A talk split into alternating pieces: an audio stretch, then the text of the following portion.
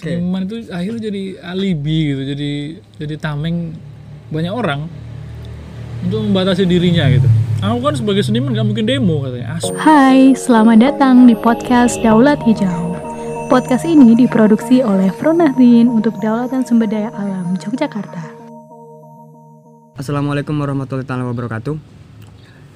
Eh, selamat datang kembali di podcast Daulat Hijau episode ketiga bersama saya Im dan pada kali ini saya ditemani oleh Mas Anti Tank. halo Nah, mungkin teman-teman yang dengar yang dengerin udah tahu ya eh, Anti Tank ini siapa ataupun teman-teman kalau jalan jalan-jalan ke Jogja banyak poster-poster yang mudah ditemui dari Mas Anti Tank sendiri. Nah, pada kesempatan kali ini saya eh, menghadirkan beliau untuk ngobrol santai di episode ketiga ini. Asik. Nah, mungkin Mas Anti Tank bisa memperkenalkan diri.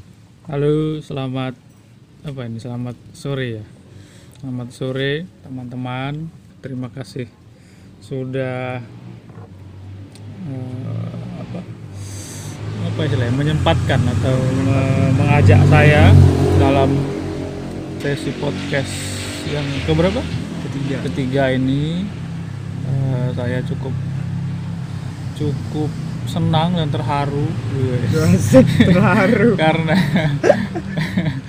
karena bisa membantu atau bisa terlibat kenalkan saya Andre Oh. Eh, mungkin eh, beberapa teman-teman sudah kenal sudah pernah ketemu Em, seperti tadi yang sudah sempat di didahulukan atau diintrokan oleh sang sang apa istilahnya sang MC atau apa apa ya Eh, istilahnya? Ya teman ngobrol aja. teman ngobrol kita kali ini eh, saya eh, biasanya kerjaannya bikin-bikin poster terus dipasang di jalan atau disebar di mana di internet Em, mungkin teman-teman pernah lihat sebelumnya kalau di Jogja atau mungkin di beberapa kota di Jawa saya sempat keliling tempat beberapa apa, memasang dan menyebar poster di beberapa lokasi mungkin pernah lihat sebelumnya.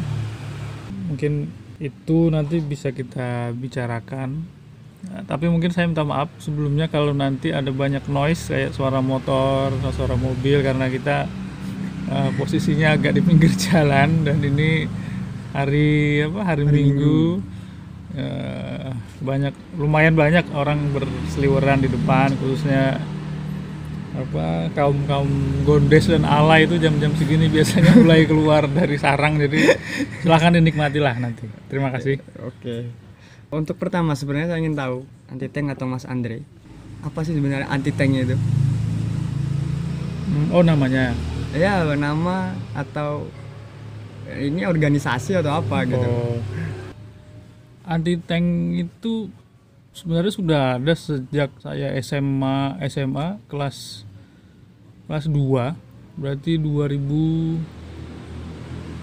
2004 kelas 2 2004 berarti waktu saya masih di Matang Siantar di Sumatera Utara Oke. kira-kira tiga jam dari Medan. Eh, di sana itu waktu itu eh, saya masih terlibat di komunitas apa pang di sana. Eh, kemudian eh, ada kebutuhan waktu itu untuk membuat band bersama teman-teman. Di sana itu situasinya nggak eh, nggak bisa kita bayangkan seperti kondisi misalnya komunitas atau simpang di Jogja hari ini atau di Jakarta atau di Bandung atau di kota-kota besar lainnya di Jawa karena di sana situasinya sangat berbeda berbedanya itu karena informasi tentang informasi dari luar apa pun itu sangat sulit didapatkan di sana Hmm. Nah, termasuk informasi soal musik. Nah, jadi karena kita telat untuk mendapatkan informasi soal musik, kita itu akhirnya masih mendengar musik-musik yang bisa dibilang eh, 6 atau 7 tahun mundur. Sebelum misalnya teman-teman di Bandung sudah mendengar musik yang eh, sangat atau eh, terbaru gitu terbaru gitu. Nah kita baru mendengar di sana bisa jadi 5 atau sampai 7 tahun sebelumnya. Eh, jadi misalnya sebagai contoh waktu itu tahun 2000 2000-an itu kita masih mendengar musik-musik eh, punk yang kemudian rilisan-rilisan generasi kedua yang itu masih politis misalnya seperti Crash Hmm. atau katakanlah paling populer Sex Pistols misalnya Em, atau Oi Polloi band-band yang yang Farukers misalnya atau konflik band-band yang yang di banyak daerah sudah sudah mulai ditinggalkan Oke. oleh oleh oleh si penerus ge- maksudnya pemusik-pemusik penerusnya generasi punk di masing-masing kota. Nah, karena kita ketinggal, kita masih mendengar jeruji misalnya untuk konteks eh, Indonesia, kita masih mendengar keparat. Jadi waktu itu kepikiran kita harus bikin band itu kayak jeruji misalnya. Walaupun Ini kenapa harus membuat band gitu Nah, karena di sana itu bandnya jarang. Jarang Jadi, ada band? Jarang ada band karena anggota anggota teman-teman komunitas punk itu paling paling banyak yang aktif itu sekitar 20-an anak, 20-an orang. Itu pun anak disebut karena memang Hmm. banyak usia dari kita itu usia eh, sekolah, usia SMA. Jarang sekali misalnya generasi-generasi yang di atas kita karena Pematang Siantar itu kotanya kota kecil. Mungkin kalau di sini bisa dicontohkan kayak kota Klaten. oke Dia kota transisi, nggak mm, apa nggak nggak kotanya nggak terlalu aktif. Nah karena kotanya transisi, anak-anaknya akhirnya yang bisa bertahan di sana hanya usia sekolah karena setelah itu mereka cabut kuliah, cabut kerja Hmm. di daerah lain. Karena ini situasi situasinya seperti itu, artinya ada keterputusan informasi, keterputusan generasi untuk di komunitas punk ya. Nah, jadi kita tadi sulit untuk mendapatkan informasi apa pun, termasuk bikin band. Jadi misalnya kita cukup cemburu misalnya melihat banyak band di Medan.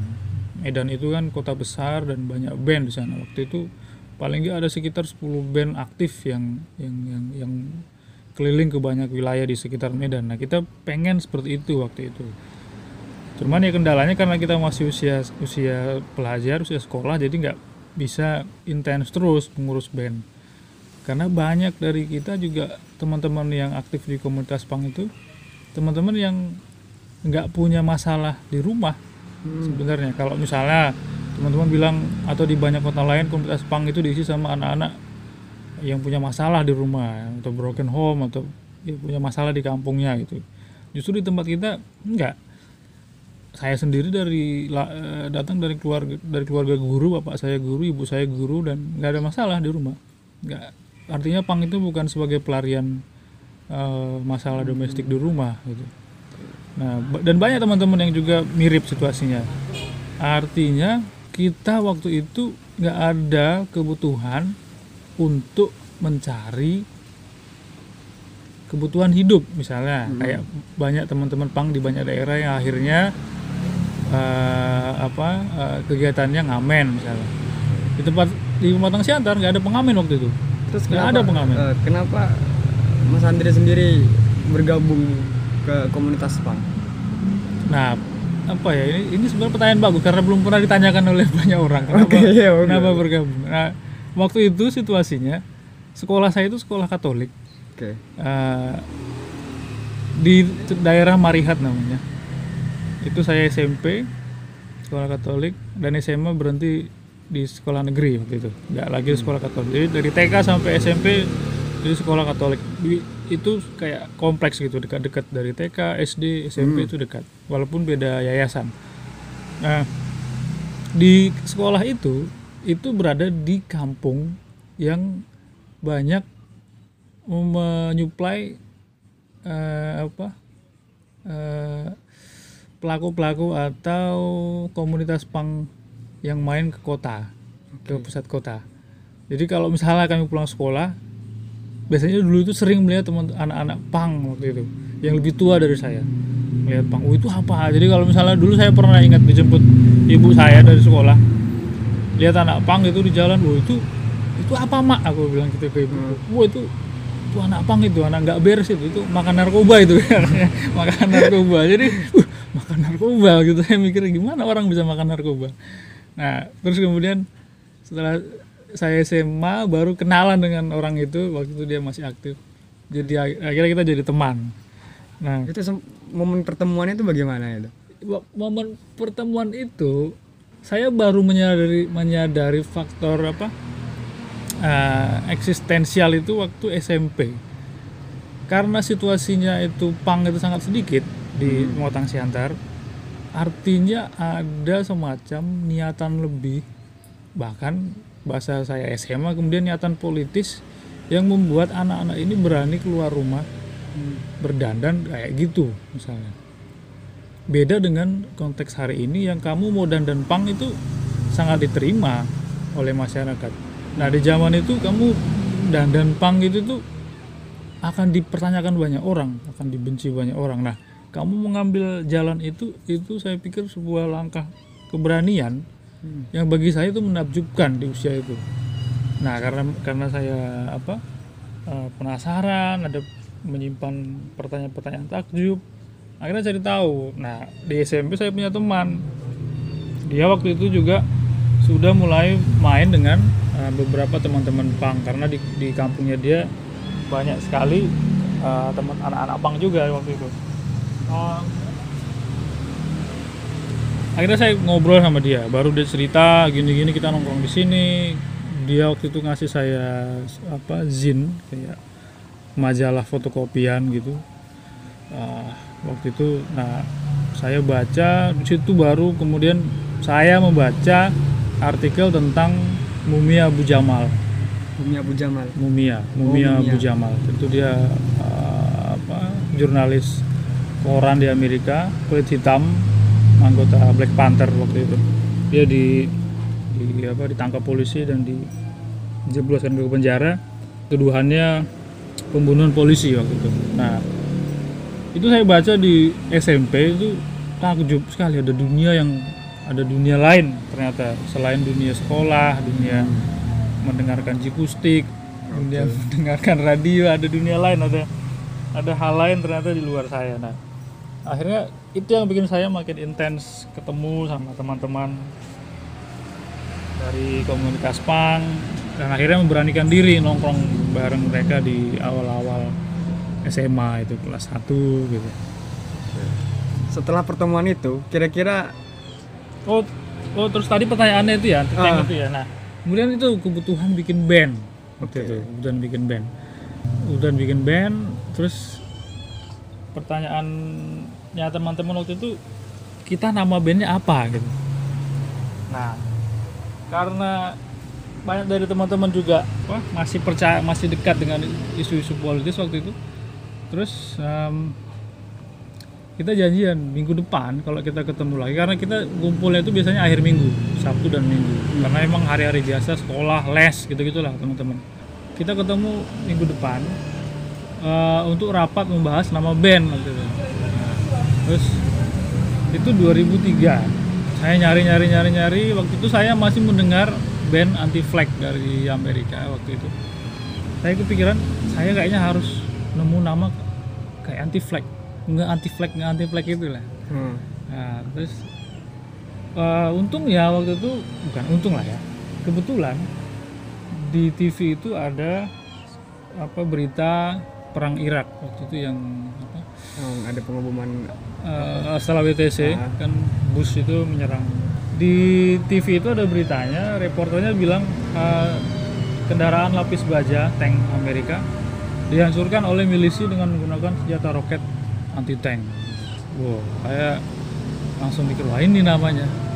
Ini namanya kayaknya oke banget. Namanya waktu itu kepikirannya paradoks gitu karena dia bisa dibilang misalnya se- senjata yang punya fungsi untuk mengalahkan misalnya rejimnya rejimnya liberalisme atau uh, kapitalistik kapitalistiknya si Amerika tapi satu sisi juga dia itu senjata pembunuh gitu, senjata militer. Nah ini paradoks aku pikir.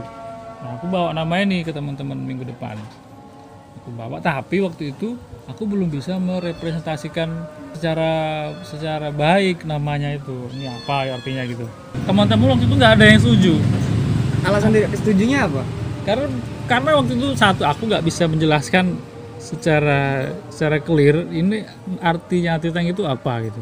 Aku nggak bisa menjelaskan. Karena waktu ya usia sekolah itu kan masih sulit lah untuk untuk apa presentasi gitu. Presentasi nama kan sulit coy. Teman-teman nggak ada yang setuju waktu itu. Ya udah karena emang nggak ada yang setuju ah, mending aku mundur aja waktu itu, karena sakit hati kan. Sekedar karena ditolak. Baper waktu itu. Namanya oke tipikalnya mas Andre ini memang baperan gitu. enggak lah enggak itu waktu itu. Waktu waktu itu. Masih masih unyu unyu gitu lah. Habis itu keluar? Keluar. Terus akhirnya teman-teman itu setuju milih nama dari eh, apa dari pilihan teman lain namanya nama bandnya akhirnya udah berantakan gitu saya nah, udah berantakan. Sudah berhasil buat album belum itu? nah ternyata bandnya sesuai dengan namanya. Bandnya nggak jadi. Bandnya nggak jadi. Karena waktu itu eh, situasi permusikan di pematang siantar itu nggak nggak belum mendukung. Karena studio-studio musik itu eh, agak agak keberatan kalau misalnya teman-teman latihan bawa musik yang keras gitu gitulah jadi ya jadinya sulit sekali lah untuk band bisa jalan dan berkembang di sana. Nah karena namanya nggak nggak kepake untuk band akhirnya daripada dibuang waktu itu saya pikir mulai bikin terbitan-terbitan komik komik komik komik pendek gitu. Atau bikin ilustrasi-ilustrasi untuk apa cover mixtape-nya kaset teman-teman misalnya misalnya teman-teman pengen bikin mixtape rekaman eh, dari The Vandals misalnya atau dicampur dengan rekaman dari The Oppress ya udah disatuin nanti aku bikin covernya gitu. Itu masih pakai pulpen waktu itu. Hmm. pulpen fotokopi pakai kertas yang warna merah warna kuning kan ada itu kertas kertas kertas AVS tuh. Nah itu ditaruh di kasetnya jadi cover gitu nah, waktu itu penanda karya-karya itu pakai anti tank waktu itu. Dia cuma tulis aja anti tank gitu. karena emang kayaknya wagu lah kalau nulis namanya Andre gitu kan. Wah, apa kan. Nggak menjual ya? Hmm, nggak menjual. Akhirnya itu awalnya mulai bikin poster A4, HPS itu poster kampanye apa melawan perang Irak gitu gitu perang Afghanistan gitu. Dan modelnya kola- kolase-kolase dari koran ambil potongan-potongan kepala bus ditempel di badannya apa terus ditaruh tulisan tempel fotokopi terus disebar di mana-mana itu. Apa sejak kecil memang suka menggambar gitu atau gimana? Iya, ini sebenarnya pertanyaan yang banyak juga ditanyakan sama beberapa kali ditanyakan sama anggota keluarga yang lumayan jauh karena di keluarga nggak ada nggak ada apa background suka gambar. Bapak saya guru matematika, ibu saya guru bahasa Indonesia dan keluarga besar nggak ada. Nggak ada. Nggak ada yang menggam nggak ada yang suka menggambar. Terus entah kenapa kok dari kecil kayaknya saya lebih suka menggambar gitu daripada apa menggambar ruas jaring jaring-jaring atau ruas ruas segitiga gitu. Bapak saya selalu bilang gitu daripada kau gambar-gambar mending ini tulis ini rumus-rumus nih aduh eh. terus selain bis- apa punya keahlian menggambar atau kebiasaan menggambar juga bermain musik kayak tadi misalnya mau buat band Oh. berarti punya keahlian bermain musik ya Nah itu itu sebenarnya cita-cita saya yang sampai hari ini belum terpenuhi. saya itu pengen bisa main gitar misalnya, tapi nggak bisa ternyata. Nggak- karena waktu itu juga nggak bisa main apa pun, teman-teman mendaulat untuk jadi vokalis waktu itu. vokalis Vokalis. Untungnya nggak jadi bandnya. Oke, saya tadi menarik juga soal apa namanya perjumpaan dengan komunitas pang tadi kan. Hmm.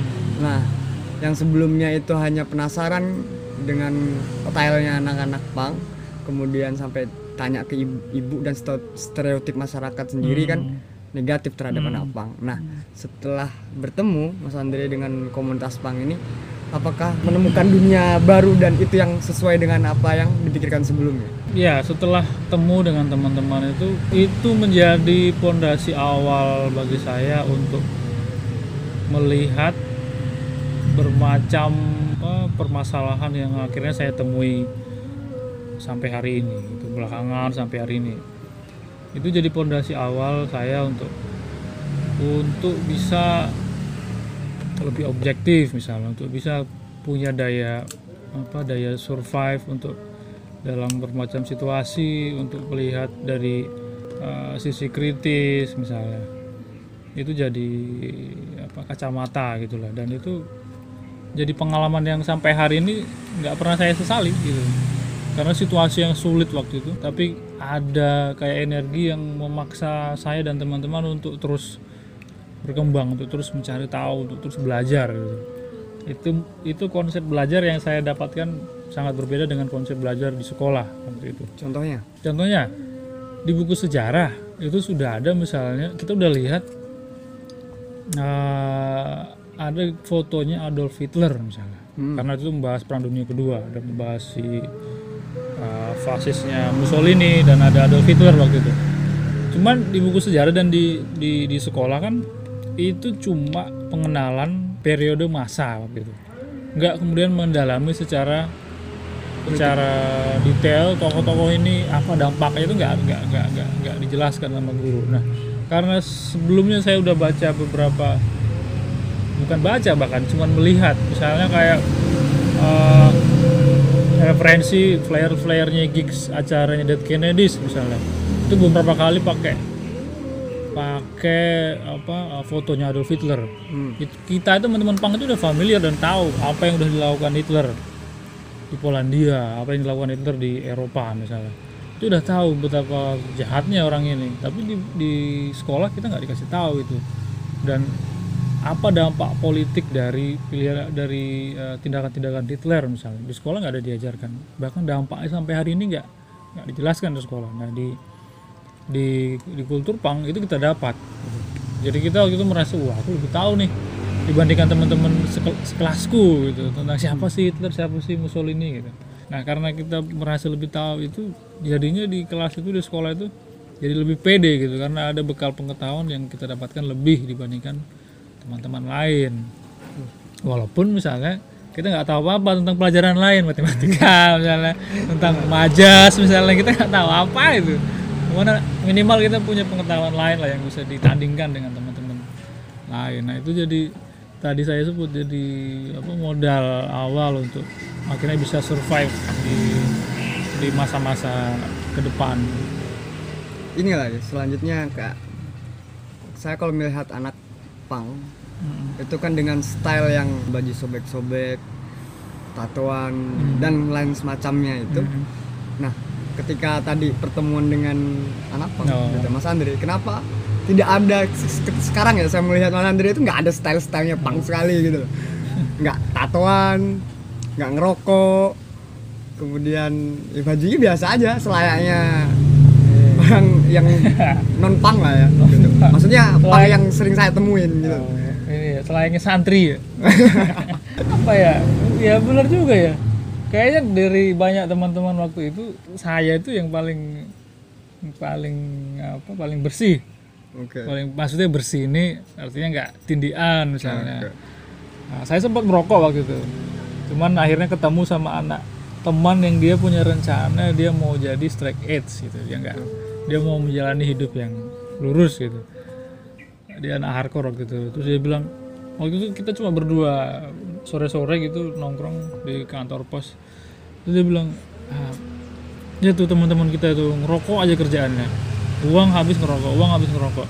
Padahal katanya kita mau melawan WTO waktu itu isu isu perlawanan anti WTO di Seattle itu masih kita bahas tahun 91 atau 94 waktu itu kita masih bahas Terus dia bilang gimana kita bisa melawan WTO Sedangkan kita aja masih diperbudak sama rokok gitu. Kita masih diperbudak sama kapitalisme gitu kan. Rokok itu sebagai simbol paling purna dari kapitalisme. Masa kita nggak bisa melepaskan uh, jeratan itu? Dimulai dari situ aja dulu. Wah, aku denger, "Wah, iya juga ya gitu. Temen gua pinter banget ini.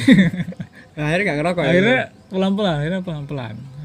Karena niatannya emang itu bukan niatan untuk untuk yang besar-besar gitu ya. Cuman akhirnya niatannya ya betul juga. Uang kita habis gitu juga gitu. Uang itu habis mending uang itu dipakai misalnya buat beli emblem atau beli buat apa kaset buat bikin apa gitu gitu pikiran pikirannya. Karena namanya uang anak sekolah kan nggak nggak ada gitu. Di- disisihkan dari uang jajan.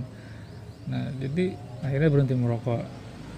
Nah jadi makanya tadi untuk menjelaskan kenapa intinya mungkin saya dari uh, banyak teman salah satunya yang lumayan bersih gitu. Teman-teman udah ada mulai belajar nato-nato gitu. Saya nggak karena emang kayaknya nggak ada nggak nggak tertarik kayaknya belum tertarik untuk bikin tato. Karena mau bikin tato pun masih bingung mau tulisan atau gambar apa gitu kan. Jangan nanti jelek gitu. Terus kalau dandanan itu ya dandanan juga i- kalau zaman dulu sih ya pastilah ada muak-muakan bikin bikin apa, baju karena kita di sana belum ada toko yang atau distro yang jual merchandise merchandise gitu akhirnya kita menggambar sendiri dari kaos itu Hmm. kaos menggambar pakai backlink Oh iya.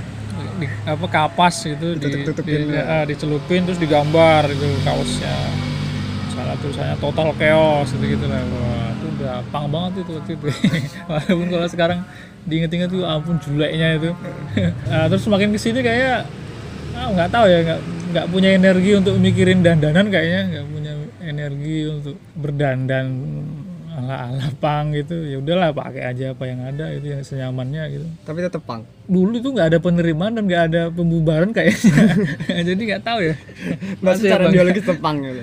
ya saya masih percaya lah saya masih respect dengan beberapa teman-teman yang masih ada di jalur itu Tadi kan pasca kejadian band itu, itu kan udah mulai menggambar di kertas buat cover dan Iya. semacamnya. Sejak kapan pindah ke medium printing poster itu? Hmm.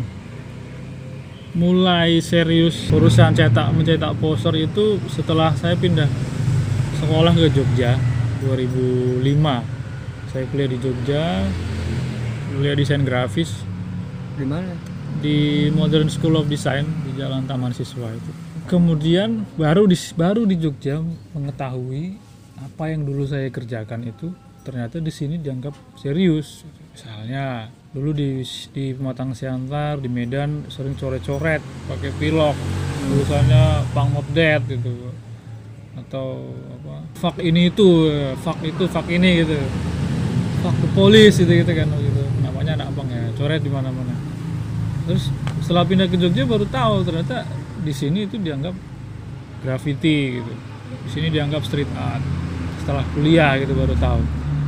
Ah, ternyata aktivitas nemplek nemplekin poster itu ternyata di sini dianggap aktivitas seni gitu. Misalnya kayak taring padi misalnya di tahun-tahun itu mereka masih aktif ya.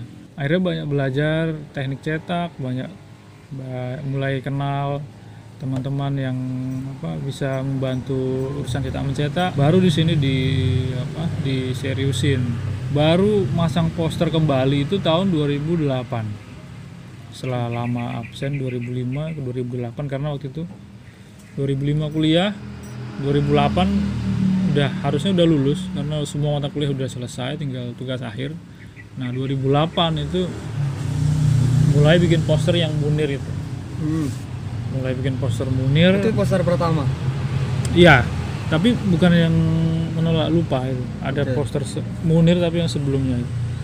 Orang benar dibunuh. Ah, ah, orang benar akan apa akan dibunuh itu versi revisi dari yang eh menolak apa versi revisi dari yang munir yang pertama itu nah bikin poster itu 2008 itu yang akhirnya menghabiskan banyak waktu menghabiskan banyak uang menghabiskan macam-macam akhirnya kuliah nggak selesai gara-gara itu jadi 2008 itu sebenarnya harusnya udah Udah tugas selesai. saya udah selesai tapi karena di tahun itu saya menemukan Dunia baru. dunia baru setelah tiga tahun kuliah dengan dengan Berkulit dengan teori kan. mm, dulu dengan teori dan kuliah dengan ini dengan dengan baik dengan rajin dengan dengan budiman gitu akhirnya ambiar di tahun 2008 akhirnya. Oh, tadi kenapa ada direvisi kata itu kenapa? Oh iya, yang poster pertama itu yang Munir apa orang benar akan dibunuh itu. em, oh iya, sebe- sebenarnya bukan itu poster yang pertama kali, tapi itu poster pertama kali saya pribadi. Cuman sebelumnya nggak jauh dari bulan-bulan saya agak lupa bulan pertengahan 2008 itu Eh, ada po saya bikin poster bareng teman. Dia anak isi eh, jauh di atas saya lebih tua. Dia tuh ingin bikin ingin membicarakan isu bonsai waktu itu. Tanaman bonsai. Hmm. jadi dia pulang dari jalan Solo mampir di kayaknya mall Ambaruk Mall waktu itu. Ada pameran bonsai. Dia nonton sempat nonton karena penasaran dia bilang. Dia pulang ke kos marah-marah waktu itu. Dia bilang wah asu aku tadi lihat pameran bonsai itu gumun aku heran. Kok pohon itu harusnya gede besar bisa berfungsi berfungsi banyak hal kok malah sama orang-orang itu kok malah dikecilin. Malah dibikin imut gitu itu kayak kayak mainan gitu. Aku tuh mau nulis itu Andre katanya. Mau nulis di mana mas? Aku bilang. Ya boleh lah mungkin nulis di koran apa di mana. Terus tak bilang oh ya bagus sih kalau mau nulis tentang itu. Cuman ah, nggak tahu apakah tulisan itu bisa diterima di koran apa enggak. Kalaupun misalnya diterima di koran ah, tulisan itu kan hanya waktu itu kan belum ada Facebook belum ada sosial media ya. Kalaupun mau ditulis di koran itu kan umurnya hanya sehari. Karena kan koran itu besok udah ganti orang nggak akan nyimpen itu. Jadi nggak efektif. Iya bener juga. Terus gimana? Mending ini aja kita bikin apa gitu? Bikin mural atau bikin apa di jalan? Ah mural tuh ribet katanya. Ya terus apa? Poster aja. Oh iya poster-poster nanti bikin kita bareng bikin poster sama bikin tulisan pengantarnya gitu nanti kita upload di blog itulah poster pertama dan terbitan awal banget di anti tank yang pertama kali itu bonsai itu. Nah, jadi waktu itu anti tank itu keperluannya untuk untuk itu mengakomodasi curhatan teman itu sekaligus memuat tulisan pengantarnya tentang kampanye anti bonsai itu. Nah, kita cetak posternya A0 ada sekitar 5 apa ya. 5 poster tempel di beberapa lokasi. Besoknya poster itu udah nggak ada. Sobek-sobek sama orang nggak tahu siapa. Nggak ada. Kita pasang di Galeria, Ga- Galeria Sagan dulu sebelum sekarang kayak kayak Galeria sekarang itu yang sekarang ada parkiran banyak warung-warung mie ayam Oh, iya. gitu, itu dulu tembok tinggi sebelumnya tahun 2000-an 2000 2007 itu tembok tinggi itu jadi langganan teman-teman untuk masang poster untuk bikin mural di sana dulu. Karena itu tembok paling strategis di Jogja salah satunya. Kita pasang di situ. Besoknya udah nggak ada udah sobek. Terus di Tugu di Janti Taman Siswa ada beberapa lokasi. Semuanya hilang. Semua hilang. Terus saya buka blog. Karena di poster itu ada alamat blog. Hmm. saya buka buka blog.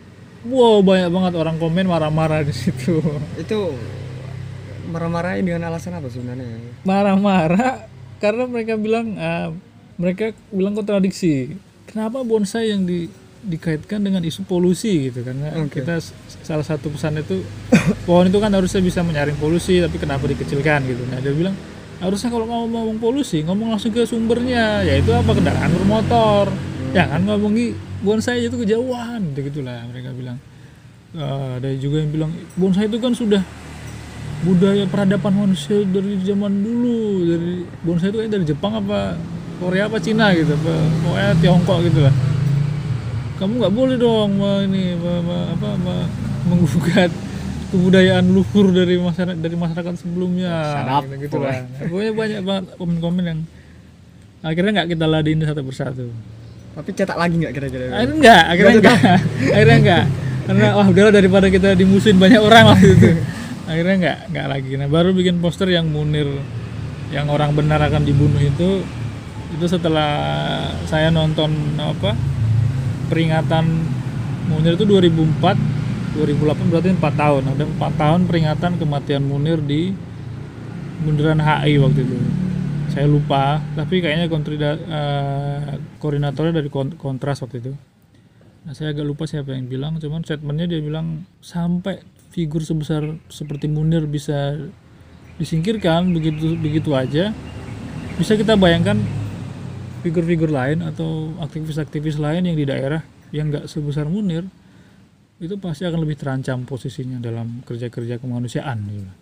saya waktu mendengar itu merasa itu sangat sangat darurat waktu itu peringatan itu. Nah akhirnya kepikiran ya udah bikin poster gitu bikin poster yang orang benar akan dibunuh. Eh, pakai figurnya Munir walaupun nggak seperti yang versi menolak lupa yang setelahnya. Jadi wajahnya masih ada beberapa layer wajah beberapa layer, gradasi. Eh, terus tulisannya itu tadi orang benar akan dibunuh. Itu saya pasang di beberapa lokasi. Eh bukan di beberapa lokasi. Baru mau masang di jalan Taman Siswa waktu itu. Hmm. Itu di masa-masa puasa sebelum hari raya. Makanya sebenarnya saya agak trauma kalau masang-masang puasa itu. Nggak ciduk gampang gitu. Ah, karena waktu itu mikirnya kalau puasa kan pasti satpol pp puasa ya? Pasti mereka kalau jam-jam jam-jam jam-jam gitu. sahur itu kan nggak mungkin nggak mungkin muter iya ya. Masang poster di jalan taman siswa.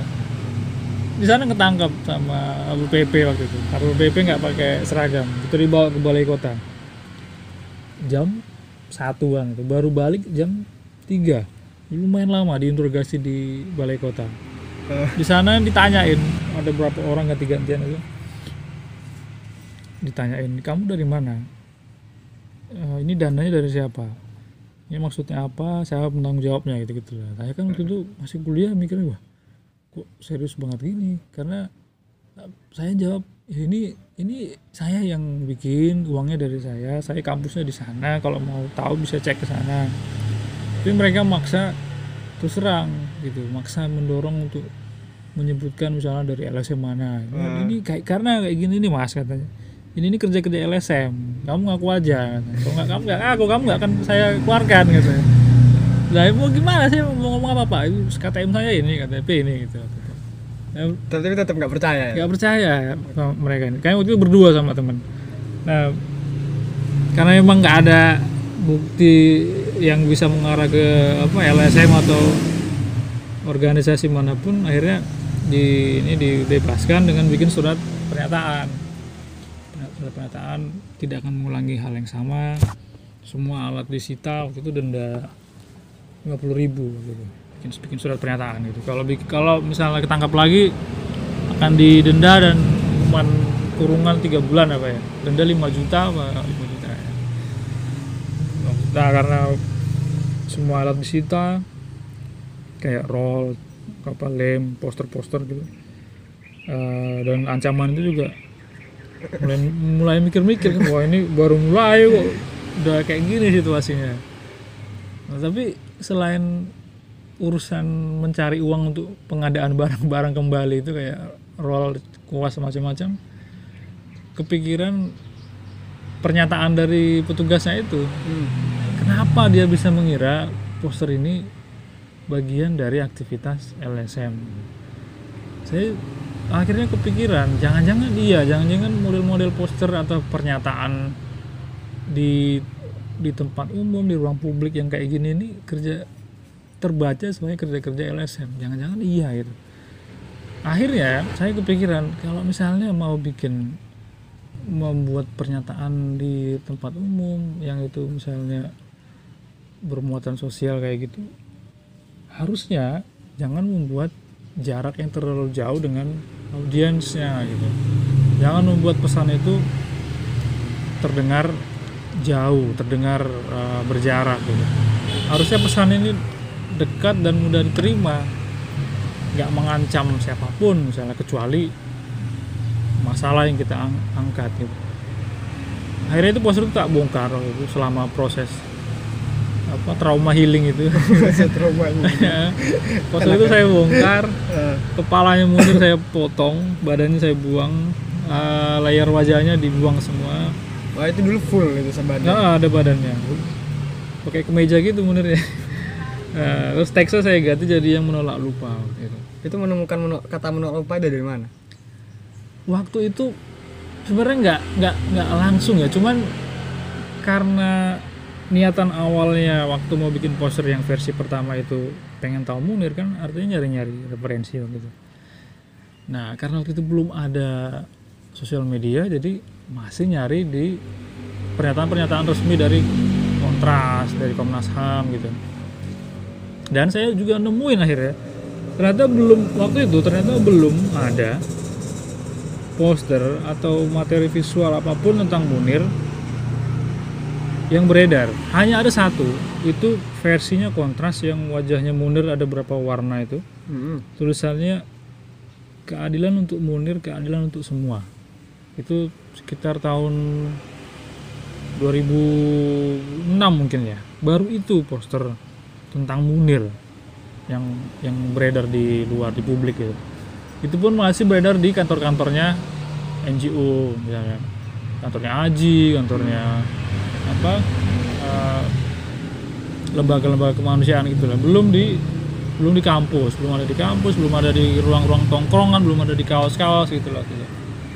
nah nyari-nyari informasi kemudian nemu tulisan potongan quote dari Milan Milan Kundera itu yang dia bilang perjuangan melawan apa eh, perjuangan kemanusiaan adalah perjuangan melawan lupa dia bilang nah terus akhirnya memakai menolak lupa bukan melawan lupa karena aku pikir melawan itu kan pertama itu melawan tuh bahasa yang sangat ngini ya sangat Oke, sangat ini, angkat tangan ya. ngini angkat angkat angkat tangan sangat sangat front gitu kan.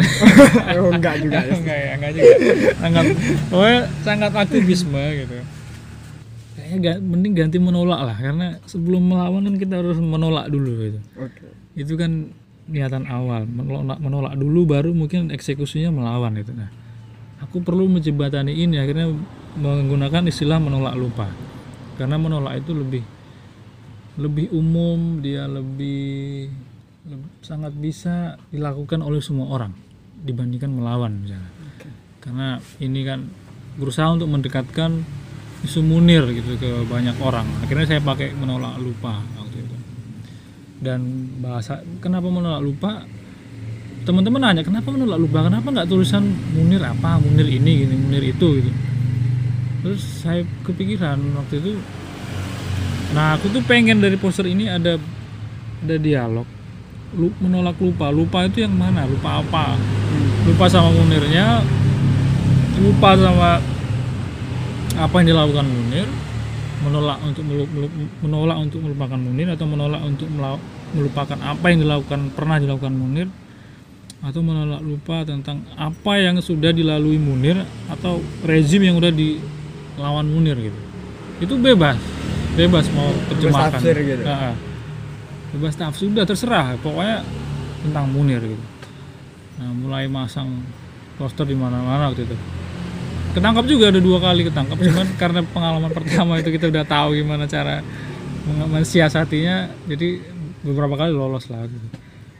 Nah. Ini sampai sekarang berapa kali kira-kira kejeduk ini? Lima. Lima kali? Lima kali. Oh. Lima kali. Grade bintang lima berarti. tapi mohon maaf saya nggak bisa men- menceritakan gimana mengapa Mensiasati. mensiasatinya. Itu kalau ketemuan aja gitu. Nah akhirnya itu poster yang poster anti tank paling ambisius itu kampanye paling ambisius Menolak yang menolak lupa. Karena hampir setiap malam saya masih kos di daerah Taman Biswa gitu. Mulai keluar itu jam-jam 2 jam jam 1 jam 2 jam 3 gitu. Teman-teman yang belum tidur misalnya ngerjain tugas pasti bilang wah karena waktu itu masih naik sepeda kan. Hmm. mereka pasti bilang wah bertugas ya Andre ya? Oh, iya. Lagi lagi jalan nih ya, ya, bawa tas bawa ransel bawa alat-alat sendirian itu akhirnya sendirian. Oke. Setelah beberapa nah kenapa sendirian? Karena lima kali yang ketangkap itu barengan terus. barengan terus sama temen. Dan biasanya ketangkap karena teman akhirnya ya udah sendiri aja. Buah sial Bawa sial. akhirnya sendiri. Dan itu kampanye paling ambisius paling lama paling seru juga itu yang nolak lupa itu. Oh, karena juga banyak orang yang menganggap di Instagramnya anti tank project itu kan juga menjual emblem dan semacamnya. Kemudian tidak lepas dari pertanyaan tadi aparat juga itu kan satpol pp ini didina- didanain oleh siapa? Nah, mungkin ini juga penting untuk dijawab gitu kayak anti tank project ini atau Mas Andri ketika menempel poster mencetak dan semacamnya itu pendanaannya dari mana? Dari Freeport lah gimana? Dari Wah, itu sebenarnya selama ini didanai oleh Freeport. Freeport dan Danais gitu. dari keraton. Enggak enggak dananya itu pasti dari kantong sendiri. Dari kantong sendiri. Makanya akhirnya apa aktivitas teman-teman kalau lihat teman-teman lihat sekarang kan timbul tenggelam gitu di jalan ya karena apa harus bisa harus bisa menyusun eh, pengeluaran untuk poster untuk untuk macam-macam yang lain gitu-gitu harus bisa diatur. Nah, untuk menjawab itu pertanyaan itu eh, salah satu sumbernya itu yang paling besar ya dari merchandise itu. Cetak baju dari cetak macam-macam kemudian dijual.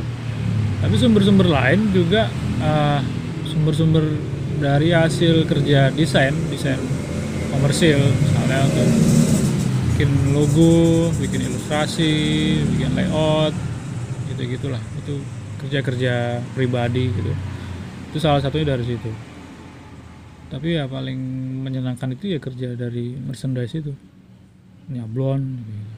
Berarti teman-teman tuh harus beli ya. Iyalah iya enggak, ini buat memperpanjang nafas perjuangan kan. Iya. Nanti kalau- misalkan Andri Anti Tank bekerja sebagai PNS kan untuk memenuhi kerja-kerja perjuangan ya. Eh, masuk PSI gitu kan Kemudian ini eh, Mas Andri kan ya sering saya temuin ya salah satu seniman untuk mengawal isu agraria. Ini Mas Andri sejak kapan mulai tertarik eh, masuk ke isu-isu agraria ini kayak misalkan udah mulai aktif di Kulon Progo. Sepertinya kalau misalnya isu-isu agraria sekarang nih gampang dijumpai anti tank. ya karena ketemunya kamu-kamu lagi kamu-kamu lagi gitu ya ya karena gak ada orang lain mungkin. Orang gue meneng gue apa ya pertama kali sejujurnya itu baru kemudian saya mulai aware dengan isu-isu agraria itu Parangkusumo itu 2016 ya? 2000 ya sekitar 2016 waktu itu. Itu pun nggak langsung. Jadi menjelang gusuran-gusuran Parangkusumo saya itu dikontak sama teman Fikri namanya. Fikri ini dia waktu itu ada di Beritagar karena sebelumnya saya kenal dengan dia tapi belum nggak intens gitu kayaknya waktu itu ada kebutuhan untuk bikin poster seruan solidaritas untuk Parangkusumo waktu itu Nah, mungkin aku nggak tahu juga ya, karena waktu itu belum banyak terlibat di Parangkusumo. Kayaknya belum ada belum ada teman yang bisa bikin poster standby gitu bikin poster. Hmm. Karena teman-teman akhirnya ada di lokasi malam itu sampai beberapa hari kemudian. Nah, satu, satu mungkin satu-satunya orang yang bisa dihubungi dan bisa cepat bikin uh, posternya waktu itu saya. Nah, saya dihubungi sama Fikri waktu itu untuk bikin poster seruan Parangkusumo. Nah, bikin Terus akhirnya Fikri mengirim tulisan beberapa tulisan, beberapa bacaan tentang situasi Parangkusumo. Nah itu yang pertama kali akhirnya saya eh, mulai mulai apa? Mulai aware dengan itu situasi itu. Karena setelah membaca eh, apa tulisan-tulisan pengantarnya itu "Oh, bisa begini ya ternyata. Karena kan ya pandangan awam itu kan penggusuran itu bukan sesuatu yang bukan sesuatu yang jahat gitu kan karena penggusuran Mendukung proyek pemerintah ya proyek pemerintah ada istilahnya apa revitalisasi gitu karena itu katanya gumuk pasir mau di mau direvitalisasi karena di sana banyak hunian-hunian liar itu versi pemerintah nah biasanya kan versi-versi gitu kan versi-versi yang hanya satu satu arah gitu kita jarang sekali mendengar versi dari korbannya kan. situasi-situasi waktu itu banyak kan versi dari pemerintah jadi emang sulit bagi orang-orang kayak saya yang belum punya koneksi ke teman-teman di lapangan waktu itu Hmm. Nah untungnya ada Fikri waktu itu yang yang mengenalkan itu. Mulai saat itulah saya mulai buka diri untuk banyak teman-teman.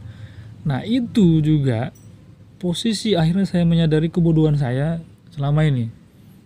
Bodohnya di mana? Selama ini saya saya dengan jumawa gitu selalu bilang aku itu bukan aktivis. gitu.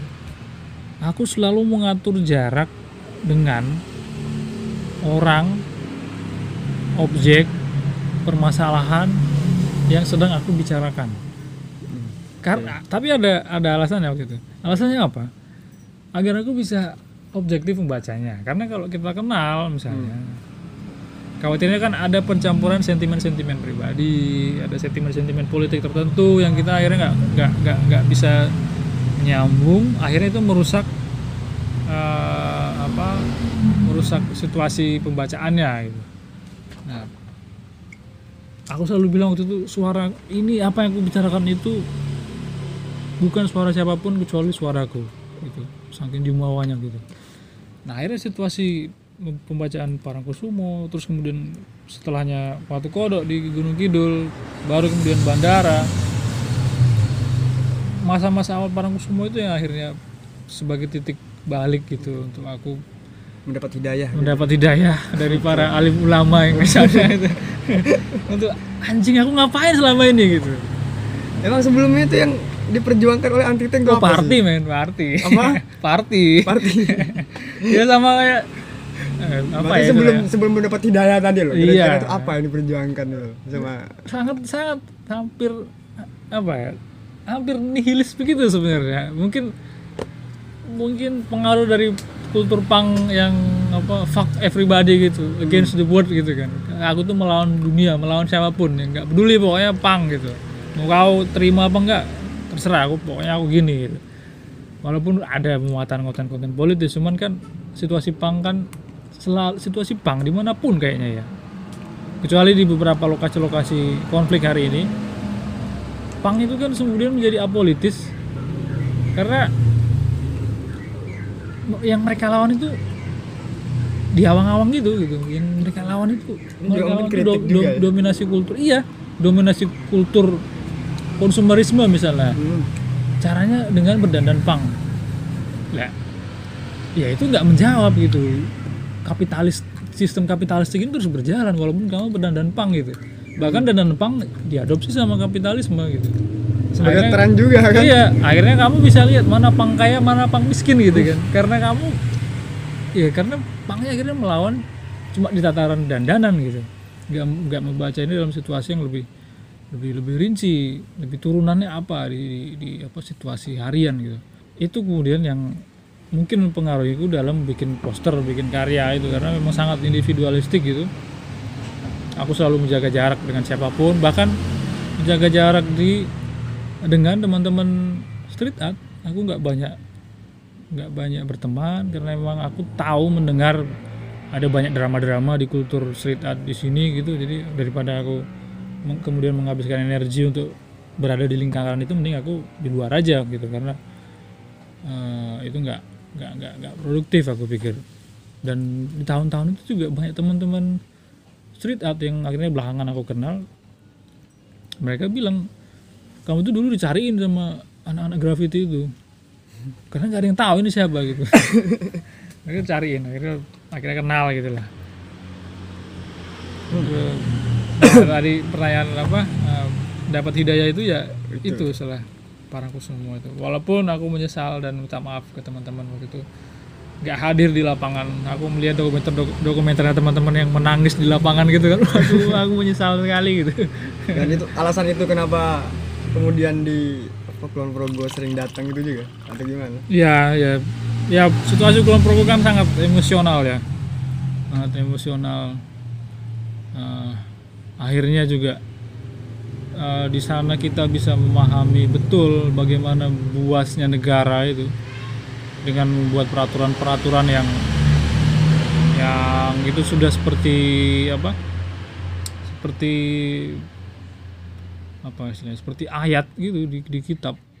Misalnya undang-undang pengadaan tanah untuk kepentingan umum gitu kamu alasan apa pun nggak bisa kamu melawan itu kayak yang di bandara sekarang ada jalan tol besok di Jogja Bawen Cilacap gitu untuk ke bandara bulan November besok akan ada sosialisasi di Klaten dari pihak uh, pemrakarsa jalan tol Uh, situasi-situasi di Kulon Progo dan di Watu Kodok itu waktu Kodok itu akhirnya memberi alasan untuk anti tank ini atau saya tuh nggak nggak nggak boleh berhenti karena waktu itu udah mulai malas. Ah, apa sih anti tank itu? Udahlah. Mending bikin apa gitu mending melukis gitu kayak seniman-seniman umumnya gitu kan. Dijual dapat duit. Iya jual dapat duit. Jelas gitu kan daripada ini bikin poster gak ada yang beli malah disobein orang gitu nah tapi bersentuhan dengan teman-teman di lapangan gitu kayaknya kayaknya emang aku kebutuhan teman-teman itu di sini gitu. Kayaknya emang ada ha- harus ada orang yang yang ngerjain apa yang aku kerjakan. Walaupun aku ya aku berusaha untuk mengikis itu karena aku nggak mau kalau cuma misalnya dimintain untuk bikin poster doang gitu pak.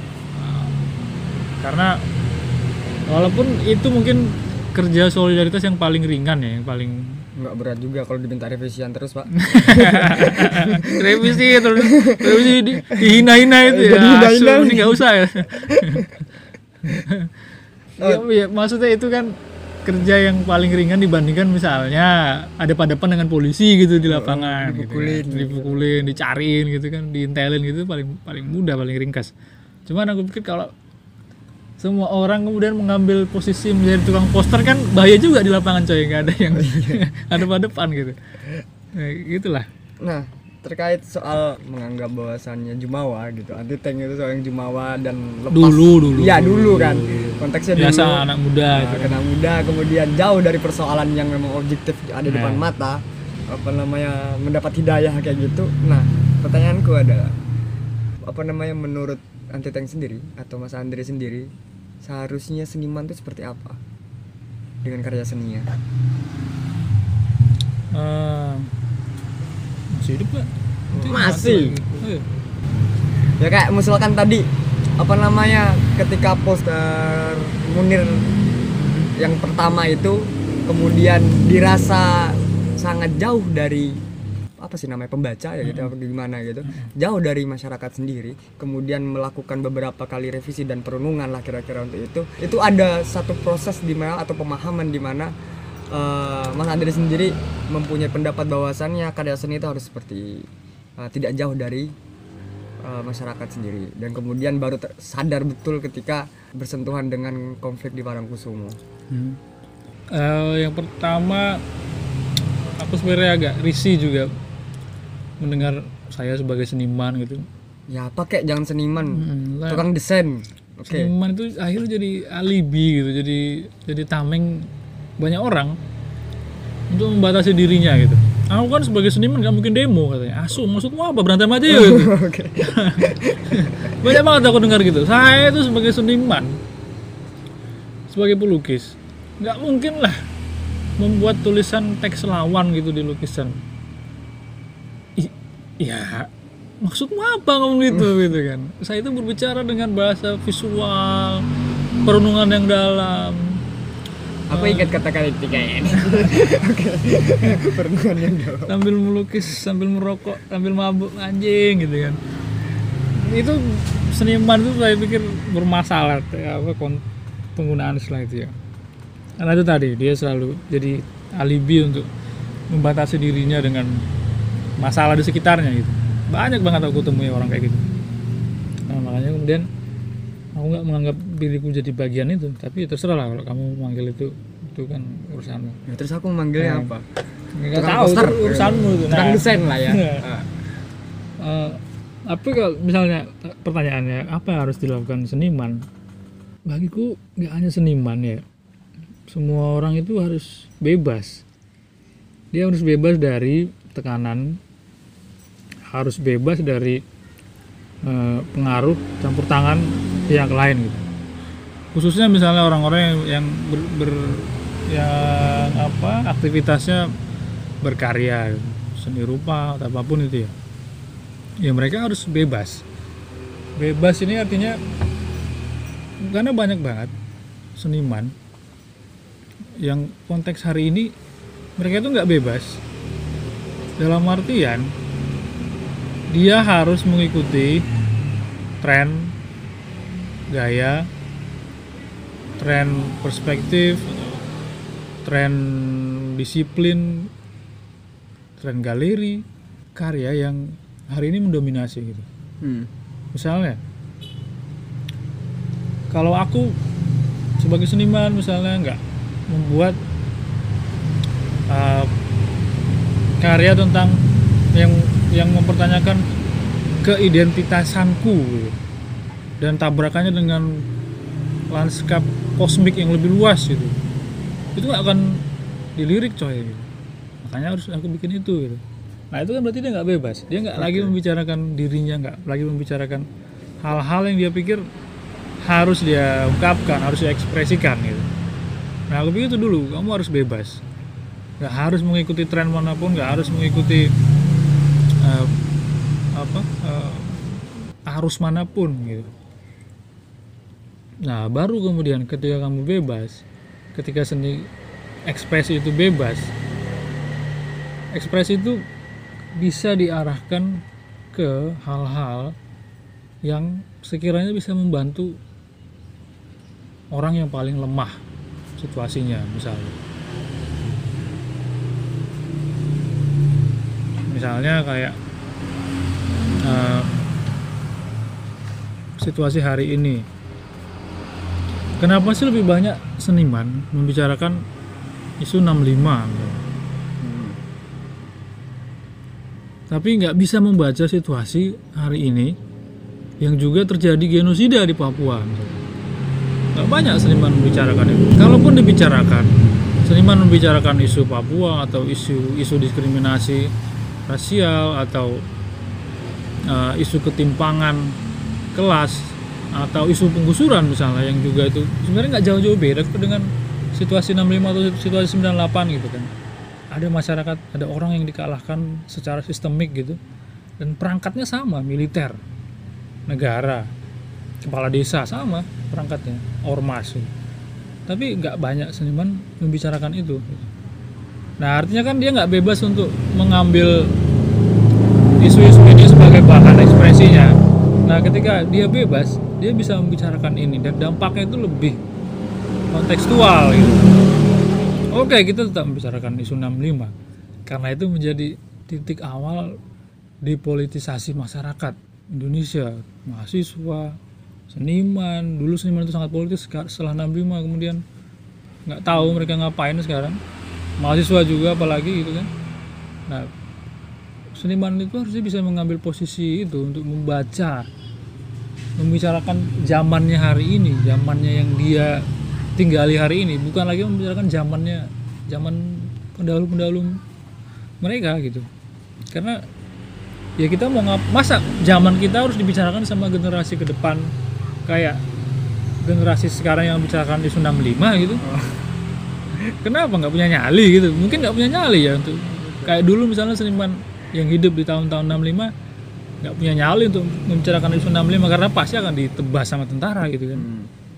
Tapi kan nggak mungkin kita mendiamkan situasi kayak kayak kemarin bandara gitu. Masa seniman nggak ngomong apa-apa gitu? Nggak ngomong apa-apa tapi justru masalahnya mereka ngomong dan terlibat di proyek bandara itu kan bajingan gitu. Nggak ngomong-ngomong waktu gusuran. Tapi ada job dari bandara diterima. Ya kan asu gitu nah situasi situasi seperti ini yang kita tuh harus bisa menjaga apa ya waras gitu lah. Nggak harus seniman ya. Semua orang gitu. Harus bisa mengisi posisi-posisi yang harusnya bisa menguatkan mereka yang paling lemah dikalahkan itu. Karena mereka paling lemah. Sebenarnya kita juga lemah gitu kalau gini semua di klaster-klaster gitu aku nggak mau bersentuhan dengan isu di luar di luar agamaku di luar komunitasku di luar disiplinku. Ya kita gampang banget dikalahkan gitu kan. Ya itu terjadi sekarang. Satulah orang-orang lemah untuk jadi kuat coy. ya ya amin. Oke kayaknya udah satu jam lebih. Ya, di rekaman satu jam lebih Hmm. uh, ngobrol dengan Mas Andre ini dari A sampai Z dari awal ketemu uh, dengan komunitas pang kemudian hingga saat ini berjuang di oke ikut berjuang ya ikut berjuang di uh, isu-isu agraria. Uh, saya rasa menarik juga. Dan terima kasih untuk waktunya kepada Mas Andre. Ya sama-sama. Ya, lain kali kalau misalkan diajak ngobrol-ngobrol kayak gini ya harus mau pokoknya udah. Ya iyalah kapan nggak? Kapan menolak asik. Selama untuk rakyat ini. Lacot. Oke, kalau misalkan eh, suara nanti ada kedengaran suara motor dan semacamnya, mohon maaf juga ini karena ya di pinggir jalan kan situasinya. Tapi mudah-mudahan tetap jelas dan apa yang disampaikan oleh Sandre dari obrolan kita ini, kita berdua ini bisa tersampaikan. Wah itu saja. Terima kasih dari saya. Assalamualaikum warahmatullahi taala wabarakatuh. Waalaikumsalam.